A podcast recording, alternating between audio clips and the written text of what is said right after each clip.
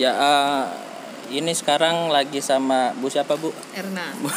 Erna Erna Erna dari Lembaga Alkitab Indonesia. Oke. Jadi uh, pertanyaan singkat sih Bu. Kerjaannya LAI apa sih Bu? Singkatnya adalah Alkitab untuk semua. Uh, Tapi untuk bisa menghadirkan Alkitab untuk semua ada proses yang cukup panjang. hmm, Yang pertama tentu saja perlu menerjemahkan. Hmm.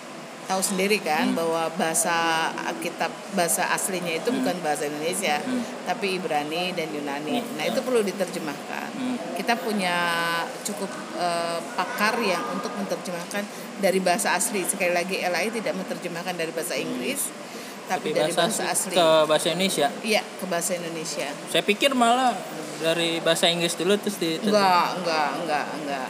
Eh, bahasa Inggris, eh, Alkitab bahasa Inggris, Alkitab bahasa Prancis, Hmm. Alkitab bahasa Jerman itu hanya menjadi referensi Si. untuk melihat eh, Kata-kata ya, yang- ya, eh, tapi tidak menjadi bahan utama. Hmm. Bahan utamanya tetap bahasa Ibrani dan Bahasa Yunani. Ya, Memang pro- prosesnya se- untuk menerjemahkan. Ah. Wah, panjang banget. Bisa dibayangin sekitar kurang lebih kalau perjanjian baru itu 5 sampai 7 tahun. Hah? Perjanjian baru loh. Nah, perjanjian lama lebih lama lagi. Oh, lebih Bisa panjang sampai, ya? Iya, lebih panjang. Bisa sampai 12 sampai 13 tahun. Jadi almost minimal itu 20 tahun.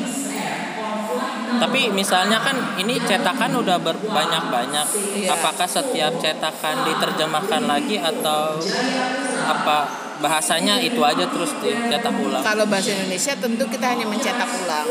Nah, Nah, kabar gembiranya saat ini LAI sedang merevisi. nah. Revisi terjemahan baru yang kita pakai itu tahun 74 sebenarnya. Oh tuh Iya, jadi udah lama banget kan. 74 belum lahir Hmm. Belum, kan? saya belum nah, lahir. Itu pastilah. 74 belum lahir. Jadi banyak sekali bahasa yang sudah tidak dimengerti oleh teman-teman Teman, iya. gitu. Nah, perlu ada ter- revisinya lagi.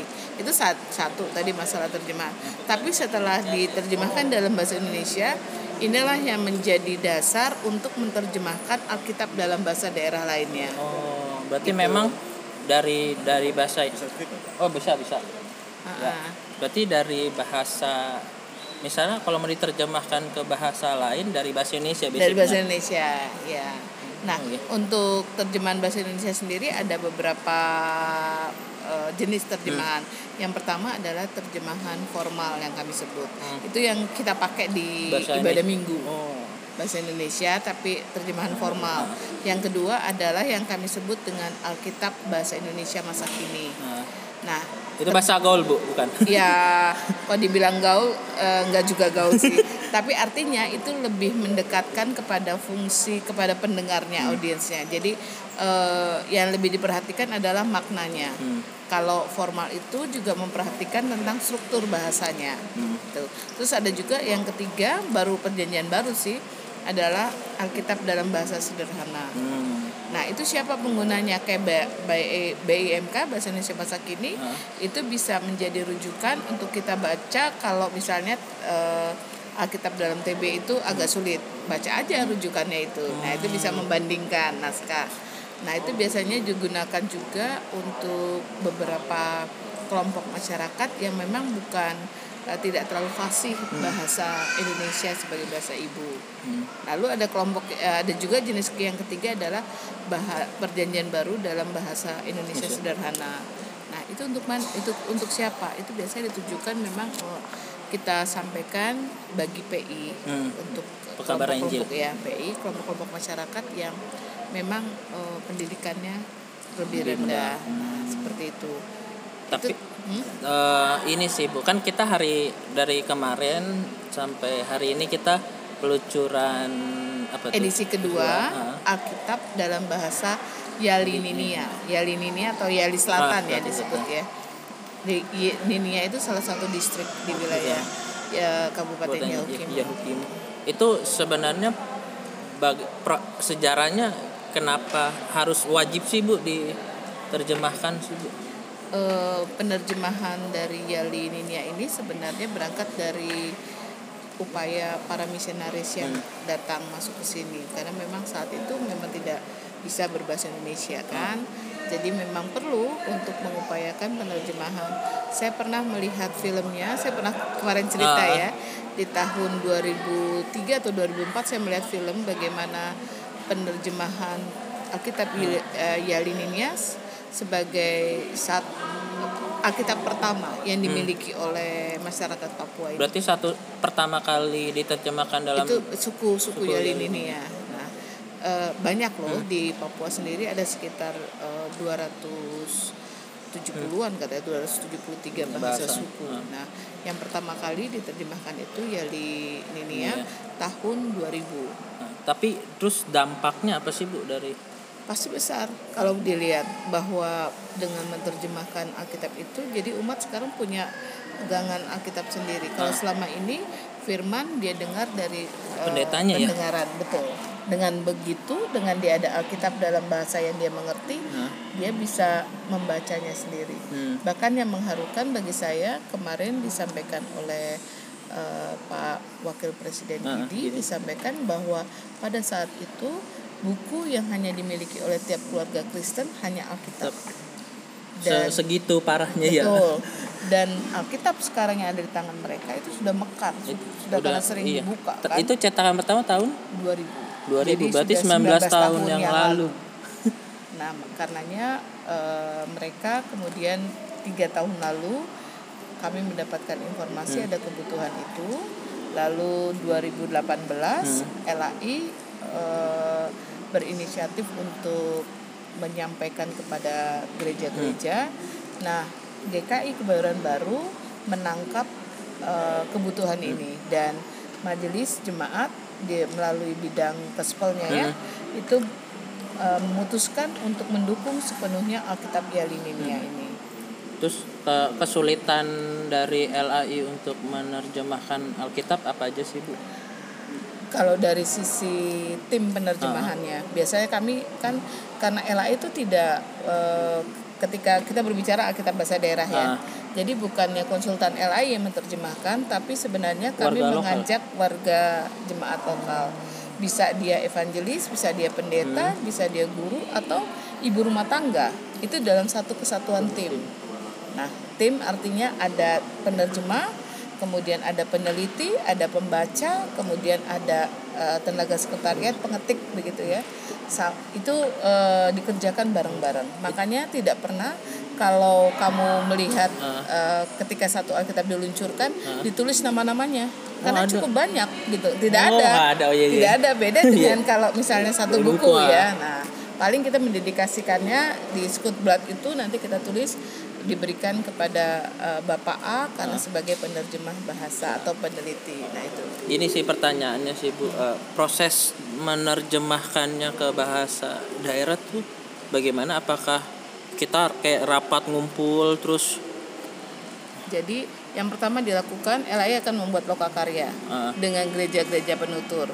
Nah di lokakarya itu kami mengundang semua denominasi gereja untuk mengirimkan utusan. hmm, Nah dari utusan itulah eh, kami kemudian menyaring. hmm, Eh, saya tidak pernah ikut sih lokakarya itu, tapi dari teman-teman penerjemah biasanya dicek dulu kalau mereka yang diminta langsung berdoa dalam bahasa ibu dan fasih Ah. itu menjadi salah satu kandidat. oh oh Jadi, gitu ya. Ya, karena kan Tapi kan kita nggak tahu ini bener apa salah Bu. Iya, tapi kan biasanya kalau suruh berdoa saja terbata-bata, itu kan doa Oh, iya. ungkapan hati, Iya. ya, yang langsung keluar dari hati.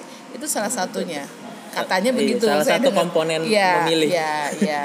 Terus lalu nanti kan eh, dilatih. Hmm. Mereka akan dilatih dengan standar eh, kerja Hmm. Lembaga Alkitab Indonesia yang sesuai dengan standar dari United Bible Society. Oh. Karena LAI adalah anggota United Bible Society. Uh, bagaimana cara menerjemahkan, kemudian menggunakan satu apa sih eh, namanya tuh uh, di komputer itu uh, sistem gitu ya, Ah. sistem yang namanya itu parateks. Ah. Nah, di situ bagaimana mengetik di Ketik yang parateks. Terus kemudian setelah itu dari sana dari lokakarya itulah ditetapkan siapa yang menjadi penerjemah, siapa yang menjadi peneliti, pembaca dan seterusnya. Oh berarti bukan di lokasinya tuh bukan di tempat asalnya mereka tapi dibawa. Tidak di tempat asalnya mereka lokal karya ini Oh. dikerjakan. Karena kami punya standar juga mereka yang akan menjadi penerjemah itu misalnya saja memang lahir di situ besar di situ dan sekian lama tinggal di situ ada itu kriterianya ada.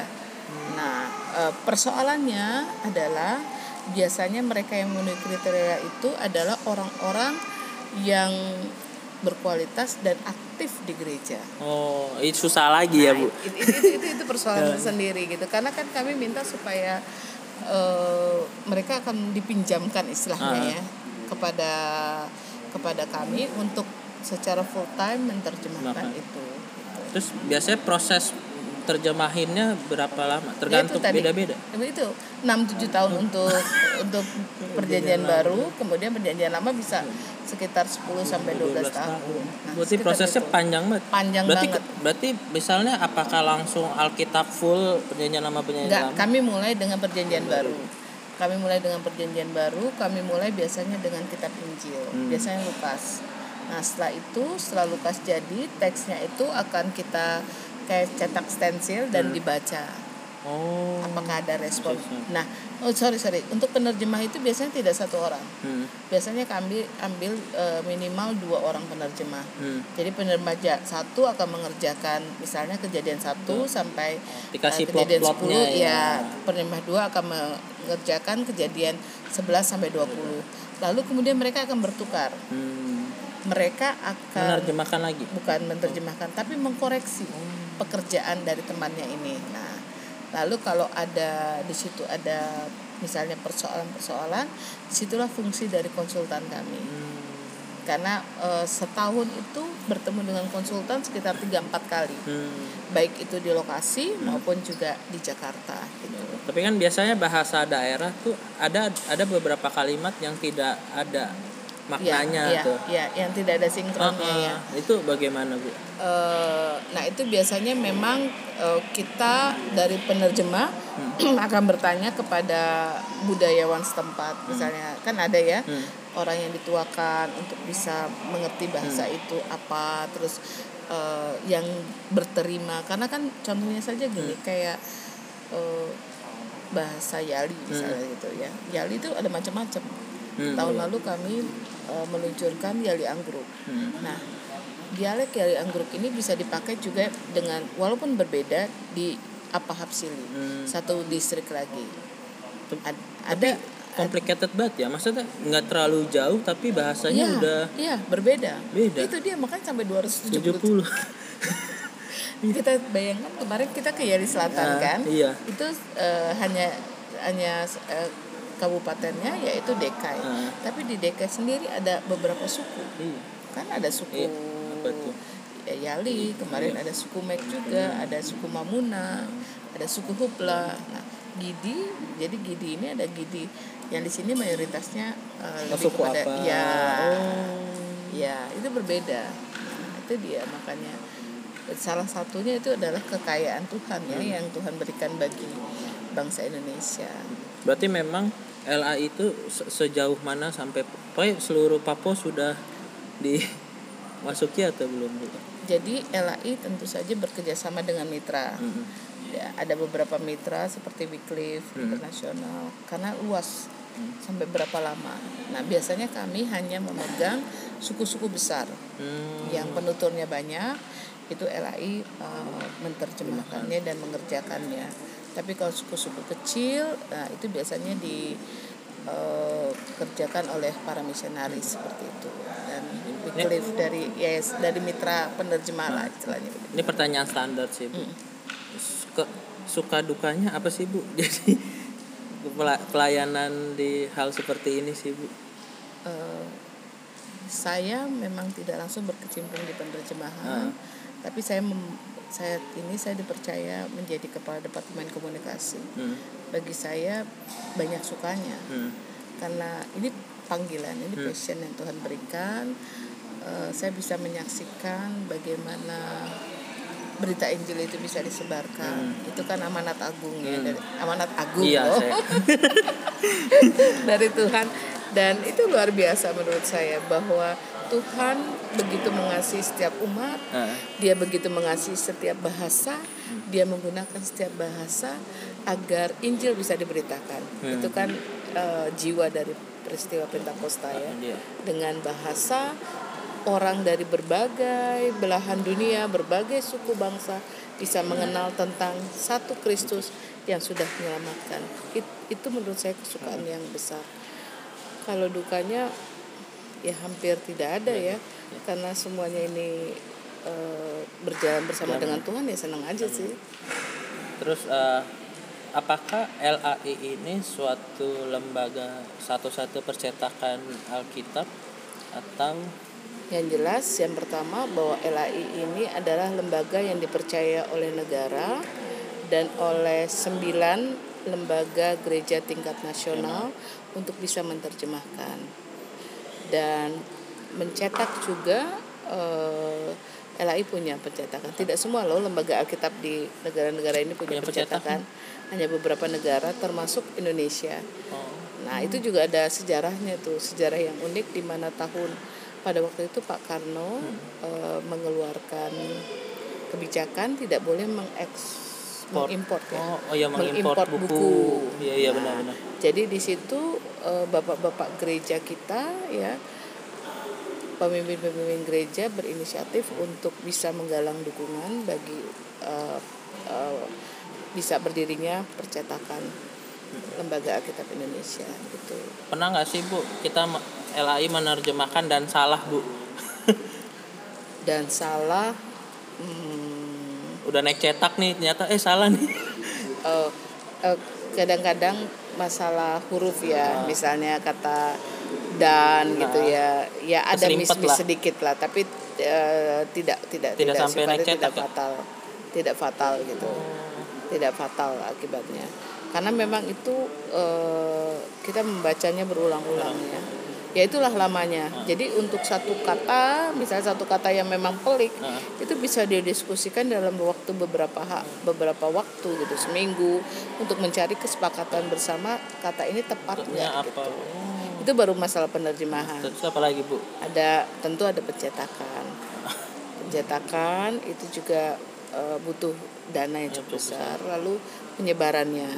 Iya. Penyebaran. Apalagi kalau ke Papua kayaknya transportasinya yang Iya. lebih mahal. ongkos kirim. Ongkos kirim ya. Nah, kalau penyebaran itu kita bagi dua. Nah, satu penyebaran melalui jalur komersil itu makanya kamu bisa dengan mudah mendapatkan Alkitab di toko Iya, buku betul. dan yang kedua jalur kemitraan nah di mana memang eh, wilayah-wilayah tertentu yang perlu kita support hmm. eh, untuk memberikan Alkitab kepada mereka gitu Hmm. paling enggak kita bisa menanggung ongkos cetak kemudian ongkos kirim ke tempat lalu eh, dari gereja setempat mengupayakan untuk bisa mencarikan dana untuk pengiriman ke lokasi ke pelosok-pelosok seperti itu. Itu tadi penerjemahan eh, penyebaran cetakan kemudian yang keempat adalah Bible engagement. Bible engagement itu adalah sebenarnya upaya LAI supaya Alkitab yang dicetak itu bisa bisa apa ya dihayati oleh umat lah gitu itu programnya macam-macam Apa aja tuh? jadi salah satunya adalah paket wisata Alkitab udah pernah belum kunjungan ke museum Belum sih. Nah. Kayak LAI baru baru buka ya, Bu. ah enggak Udah dari 2012 Saya soalnya saya tahu apa museum Alkitab tuh yang di Pelumpang situ loh, Bu. oh itu Itu- itu, ya kayak ada punya perseorangan sih Iya persorangan. Kalau eh, itu barangkali lebih kepada museum benda-benda Iya, iya Alkitab betul, ya. betul, betul. Kalau LAI memang yang namanya museum Alkitab. Jadi umat bisa tahu tentang sejarah penerjemahan mulai dari awal Hmm. sampai Alkitab itu sampai di tangan kita di Indonesia. Itu kan ada sejarahnya. Ada sih benda-benda Alkitab juga dan eh, museum ini cukup banyak diminati program ini. Hmm. Anak-anak tahun lalu bisa nembus sampai 15.000 ribu orang Iya. bisa ke museum itu. Apalagi kalau musim-musim liburan nih kayak gini, Rame ya? hampir setiap Dia hari. bukanya jam berapa, Bu?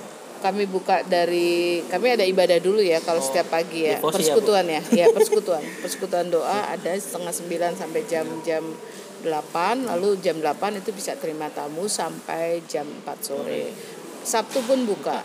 Sabtu juga sama buka setengah sembilan sampai jam 3 sore Gratis, Bu. eh, gratis kalau bersama-sama dengan gereja. Kalau enggak adalah eh, tiketnya 3000 apa 4000 Ya, gila, Bu. gitu. Itu mah Itu nggak berarti lah berarti, betul. buat di Jakarta. Keren loh, keren banget. Jadi anak muda perlu ke sana, ajak teman-teman untuk bisa ke sana. Lalu program yang lain sebenarnya yang kami akan lakukan tanggal 4 sampai 7 Ah. Juli ini yaitu Jambore Anak Nasional Di di Villa Biru, Villa Biru. Jadi eh, itu ada kepanitiaan sendiri. Kepanitiaan itu adalah relawan-relawan dari berbagai gereja, guru sekolah minggu.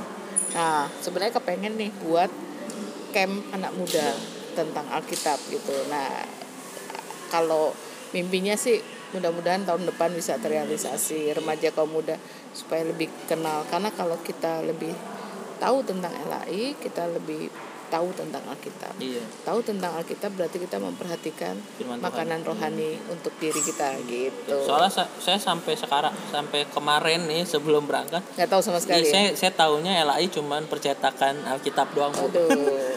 Makanya. kami yang salah itu Iya. kami yang tidak terlalu banyak nah, Terus kampanyenya apa lagi Bu? Nah setelah ada Bible Engagement, ada juga kami program eh, untuk Bible Engagement ini program pemberantasan buta aksara berbasis Alkitab. Hmm. Jadi LAI membantu jemaat-jemaat yang tidak bisa membaca. Hmm.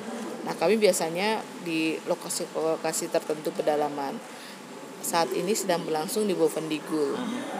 Eh, di Bovendigul kami bekerja sama dengan Pemda. Artinya Pemda membantu untuk membiayai. Hmm. LAI yang menyiapkan programnya dan bekerja sama dengan para tutor di sana. Itu LAI biasanya berada sekitar 10 sampai 12 bulan di sana. Lalu eh, s- proses yang kedua yang saat ini berjalan juga di Parigi Montong. Nah, Parigi Montong itu di Sulawesi Tengah.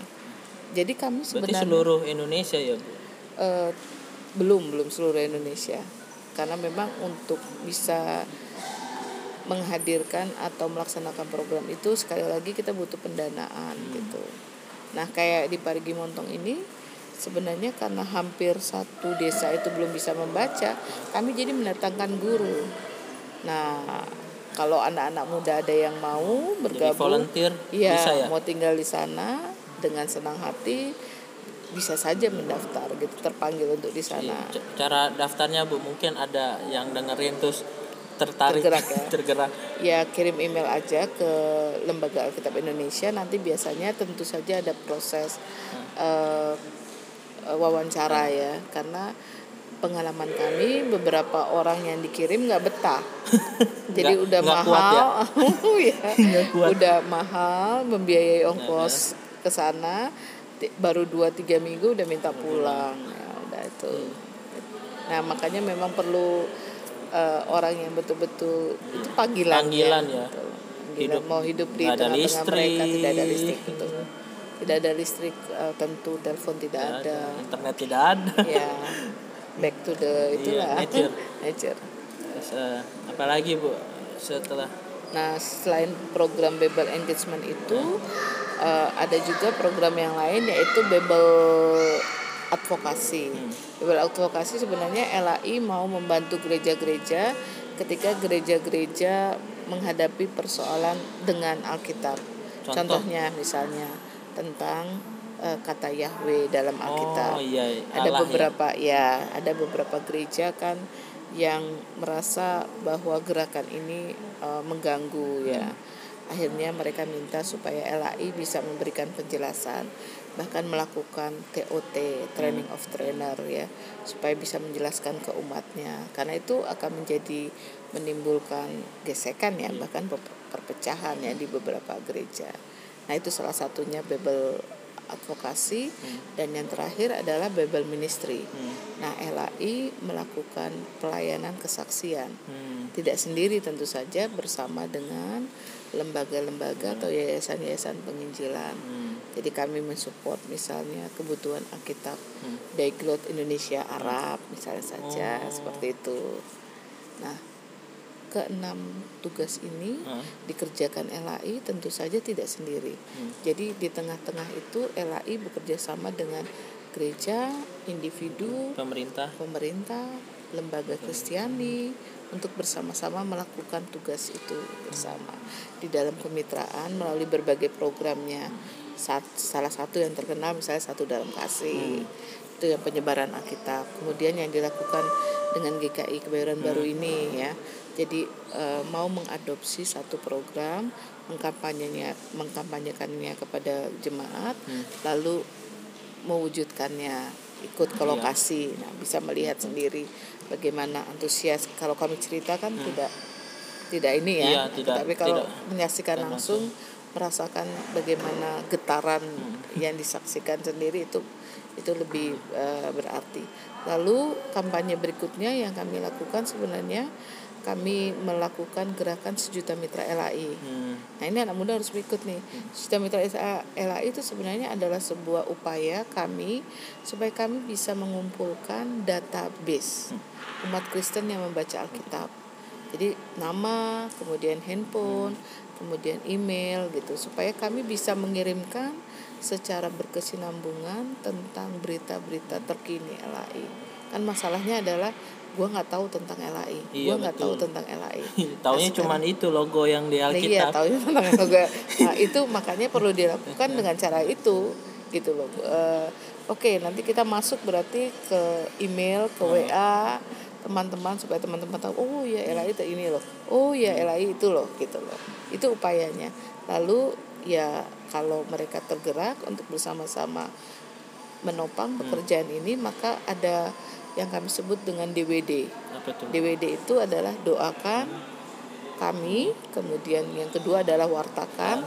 Setiap kita punya media, setiap kita punya networking. Hmm. Nah, sebarkan aja. Jadi seperti Agung udah ikut ke sini. Hmm. Apa yang Agung rasakan, apa yang Agung lihat, ceritakan ke teman-teman ini loh LAI gitu loh. Itu bagi kami sudah berdampak. Terus yang ketiga, kalau memang mau ikut terlibat, silakan untuk mendonasikan. Dimulai dari angka 15.000 per bulan. 15.000 Ya ilah bu, sehari juga makan juga Nah itu lewat. Lu minum Starbucks berapa? Eh, Iya lima puluh ribu Nah, satu. Ini cuma Iya. 30 persen ya Iya. Nah, 15 ribu saja sudah Nah tiap tiap bulan Nah. gitu bisa ah kok tiap bulan 15 ribu barangkali capek kesel banget kan transfer ya udah bisa setahun, Setahun sekali langsung. ya. Atau bisa juga langsung potong rekening ada juga jadi Hebat ya. terasa Bu besok GoPay bu. Oh, oh iya iya iya iya iya iya gue gue mau kayak gitu juga Iya, gue iya. iya iya nanti GoPay. supaya kaum muda juga bisa lebih Oh iya. Oh iya terima kasih. Coca-Cola ada juga pesawat Aduh, kita ini tidak jadwalnya Pak Maiko 11.40 bukan 10.40 Oh jadi 11.40 kayaknya Kita Oh. ya sudah empat puluh. Iya. Iya. ya udah Iya, Terus sampai mana tapi lupa. ya lagi wawancara ini pak. Iya, iya. supaya anak muda tahu LAI pak. Duh saya pikir anak muda nih kurang tahu LAI bagaimana ya? Itu dia. Barang itu lebihnya non kemarin punya itu non taruh ini. Kalau ada suka bisa. Mau dong mana Waduh. Wah, udah kayak dagangan ya.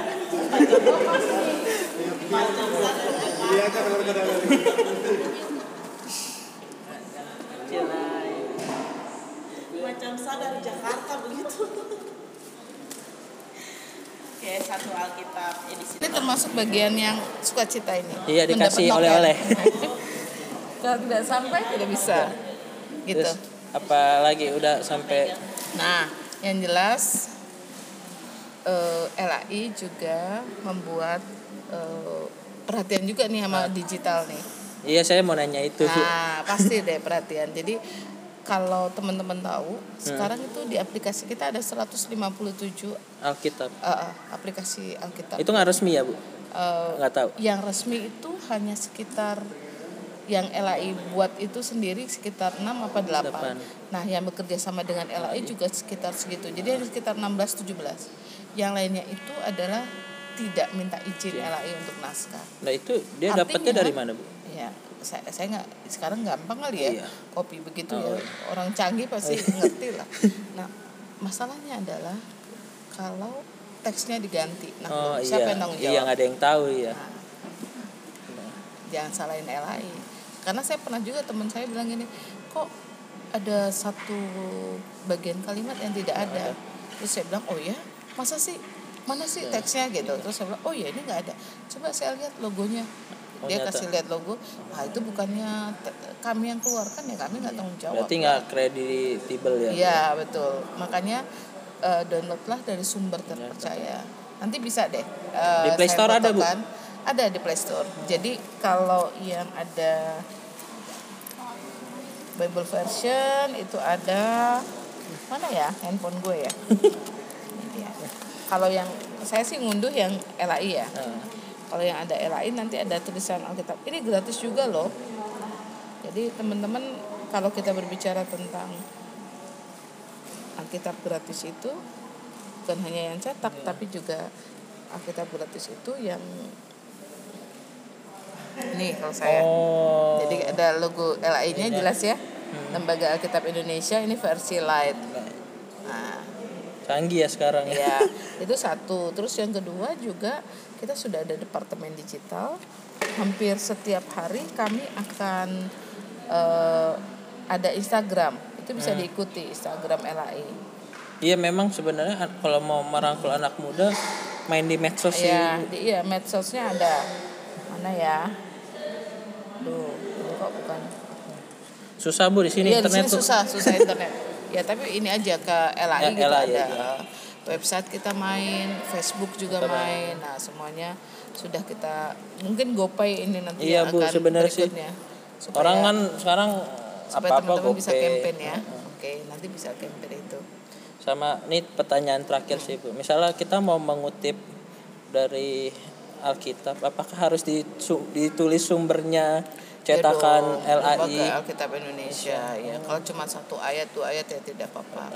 Tapi kan ada aturannya ya. Iya. Kalau sudah sekian banyak ayat itu harus minta izin. oh gitu Iya. kan banyak yang Iyalah, karena kalau misalnya kalau kita berbicara tentang penerjemahan itu kan sebenarnya ada hak intelektualnya Ah, ya. ya. Itu dikerjakan oleh tenaga ahli. Coba kamu bayangkan kalau kamu punya karya terus Ah. ada orang yang mengambil begitu saja. Hmm. Itu kamu perjuangkan sekian waktu lamanya gitu. Hmm. Eh, tiba-tiba orang mengambil begitu saja dan dengan mudah men-share begitu saja. Dongkol nggak? Iya. Nah, itu dia. Itu, itu yang perlu diperhatikan. Jadi memang karena LAI ini lembaga yang lumayan besar ya. Mulai ngurusin dari penerjemahan sampai sekian banyak itu. Nah, eh, dan kami sudah main juga di digital itu mix antara cetak dengan digital loh. Betul. Jadi ada yang kami ada baru ada dua produk, satu Alkitabku Hmm. dan yang kedua Alkitab kelahiran. Heeh, Jadi di Alkitab cetak kita ada sisipan-sisipan heeh.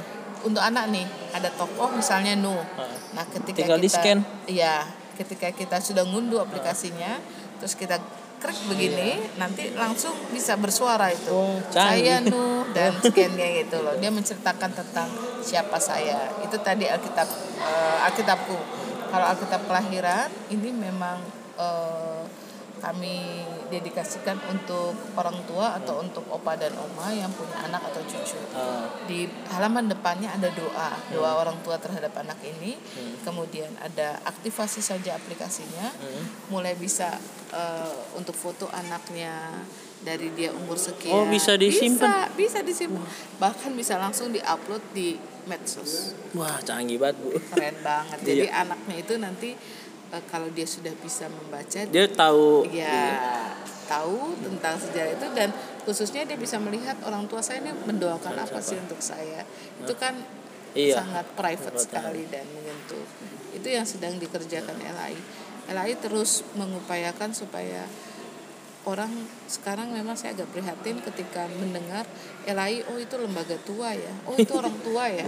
Nah sekarang kita mau wajah LAI LAI adalah kaum muda. Gitu. Nah makanya eh, kami sangat senang sekali kalau ada begitu banyak masukan dan kaum muda yang mau terlibat ayo cintai lembaga ini. Kalau bukan anak muda yang meneruskan siapa lagi? Kabar Injil kan harus terus dikerjakan. Dan LAI ini merangkul semua denominasi gereja. Nah hebatnya itu kalau di beberapa negara ada berbagai versi terjemahan. Jadi satu gereja ini belum tentu sama dengan gereja lain. Menggunakan Alkitabnya. Jadi bingung ya? Ya ya ya begitulah. Tapi kalau di sini seluruhnya dipersatukan dengan terjemahan dari lembaga Alkitab Indonesia. Katolik pakai Protestan Oh iya, pakai nah, berarti LAI enggak itu agama eh maksudnya nggak memihak ke satu uh, denominasi gereja. Kami merangkul semuanya karenanya terbitan LAI itu bebas. Kami mengupayakan tidak ada dogma dari gereja Ya. tertentu. Itu karena kami tugas kami adalah melayani semua gereja dan untuk semua umat. Perkotaan sampai ke desa Nah, kemudian yang melek digital Ya, sampai yang belum melek huruf. Jadi sangat ini ya Nah. besar sekali gitu ya ini cakupannya cakupannya, luas. betul. Ini sih Bu, saya saya sering di ini Alkitab suara Bu. Alkitab suara oh ya Jadi, Alkitab suara tapi itu betul. bukan buatan LAI ya? ya ya itu eh, ya ya tidak apa-apa Ya, sih kelompok orang yang berusaha untuk kreatif Betul, untuk iya. bisa mendramakannya Iya. Saya agak senang sih kayak didongengin Bu. ya didongengin ya Ah, iya iya iya ya, itu menurut saya salah satu upaya supaya Alkitab bisa sampai ya Iya. kalau sekarang orang misalnya males baca Baca Alkitab iya. gitu ya Terus sama, terakhir sih Bu penutup Bu buat kita anak-anak muda bagaimana? kalau saat ini anda punya kesempatan untuk bisa punya Alkitab Nah, punya kesempatan mata masih bagus Hmm. bacalah Alkitab itu dan kalau ada kesempatan untuk bisa memberitakan Injil melalui berbagai cara eh, kerjakanlah itu. Dan kami LAI sangat terbuka untuk menerima kaum muda yang mau ikut ambil bagian. Secara Hmm. tidak langsung mereka yang terlibat dalam pekerjaan ini sebenarnya adalah pemberita-pemberita Injili kami kerja LAI bekerja sekali lagi di tempat yang sunyi. Hmm. kami tidak eh, secara terbuka menyampaikan apa yang kami kerjakan tapi hasil kerja kami begitu nyata di tengah-tengah umat. Mari bergabung. Boleh sampaikan datanya eh, talenta apa yang kamu miliki. Mari ikut terlibat karena pekerjaan ini begitu luas. Berarti tadi ya motonya DWD ya. DWD doakan wartakan donasikan. 15.000 Untuk 15.000 ribu sebulan ya. sebulan 30% dari Starbucks satu gelas Starbucks gitu Oke. oke Terima Thank kasih you, Ibu. ya. Sampai ketemu lagi ya senang Bu. bisa ketemu di sini ini. ya jauh-jauh ketemu Iya. di DKI Iya.